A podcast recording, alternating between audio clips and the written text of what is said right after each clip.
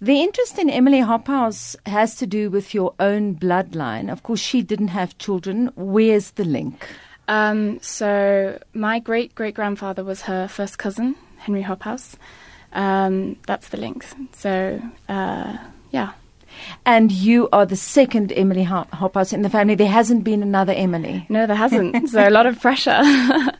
a lot of pressure and a lot of interest. You're yeah. really interested in the Boer War. Well, obviously, uh, due to my name, uh, I have to be. I think it's sort of. Uh, yeah, sort of my heritage. Imperative. Or, yeah, exactly. Um, and my dad obviously called me Emily for a reason, or my parents did.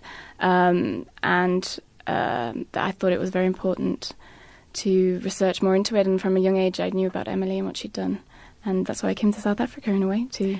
I've now seen this morning, Emily, the reaction of my colleagues to you and to your name. What has the reaction in South Africa amongst Afrikaners been to your name? Um, well, I mean, it's it's very different among obviously different parts of the population, and I definitely feel like people my age, my contemporaries, so 19 year olds, 20 year olds, don't really, you know, react when I when my name is said.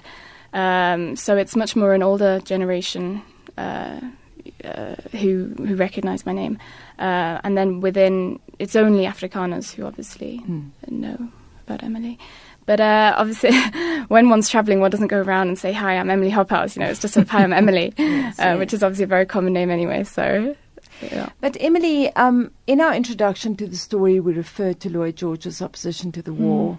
Uh, but one of your forebears also did his bit for the Boers in Parliament. Only Emily Hobhouse is known, but he also did good work. Well, yeah. Um, so that's uh, Henry Hobhouse, who was actually a member of Parliament. So that's my great great grandfather. Uh, and um, the family were definitely during the Boer War very supportive of Emily's work, uh, and um, were in Parliament um, using her, um, using what she'd found out to um, change the legisla- uh, legislation. So uh, there was definitely um, a lot of parties. It wasn't just Emily who who was responsible for the changing of the law, even though she played a very, very big role. Mm.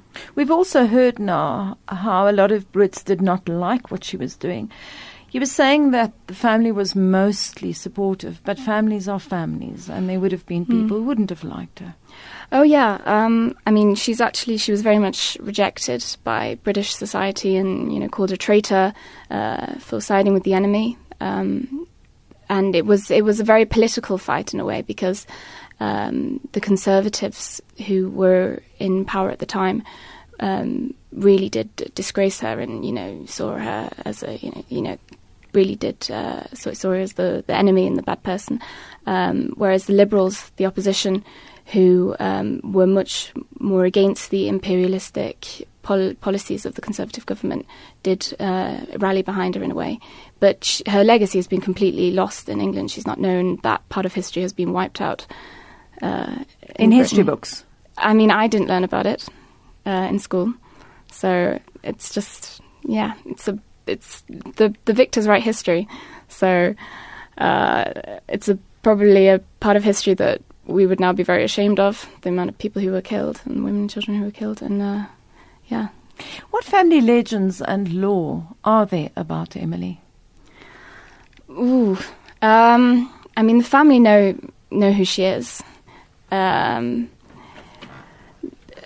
but in probably quite a superficial way, um, and this is why I actually came here to to really find out what happened, um, and you know, reading books and meeting historians. Um,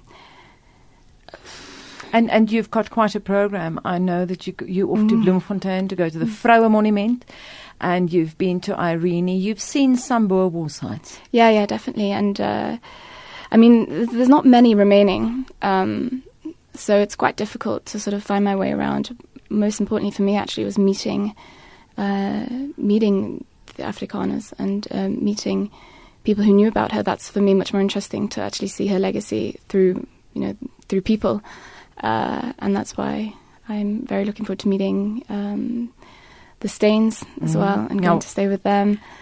Uh, so that that's much more the plan of the trip. I uh, don't know whether the Steyns are listening. I presume you're talking about Colin Steyn. You're going mm. to stay with. Yeah. Well, they are regarded by a lot of Afrikaners as aristocracy, the aristocracy of the Free State. You know, they had M.T. Steyn, who was a president, and a very well-known, very respected family. But did you come to South Africa, Emily, with a specific itinerary? Oh no, not at all. Uh, in typical sort of gap year fashion, I. Uh, had no clue really what I was doing, and I had um, a friend of mine in London. Uh, who might be listening now actually, uh, it was very kind and put me in contact with lots of people. Um, and from there, I just basically worked my way around and slowly met more and more people. And I mean, the hospitality of the the Afrikaners here has been absolutely overwhelming.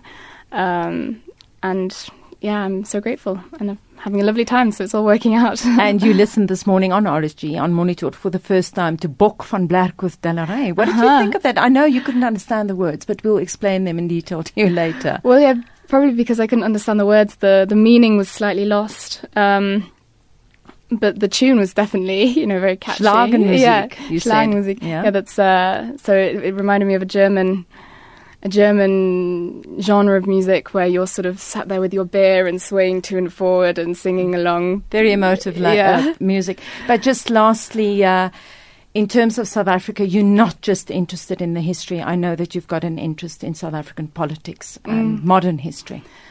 Well, yeah, I think uh, if you're in South Africa, it's impossible to avoid uh, or ignore the recent history, um, and it's very important to address it and not to to run away from it, and it's been highly emotional as well. Um, but to see this country sort of rise out of rise, rise out of the ashes and just do so successfully uh, after you know such a, terrible, yeah, mm. such a terrible you know era has been very it's extraordinary and very pioneering, and I respect all South Africans for what their part that they've played in really adjusting to this new way of life.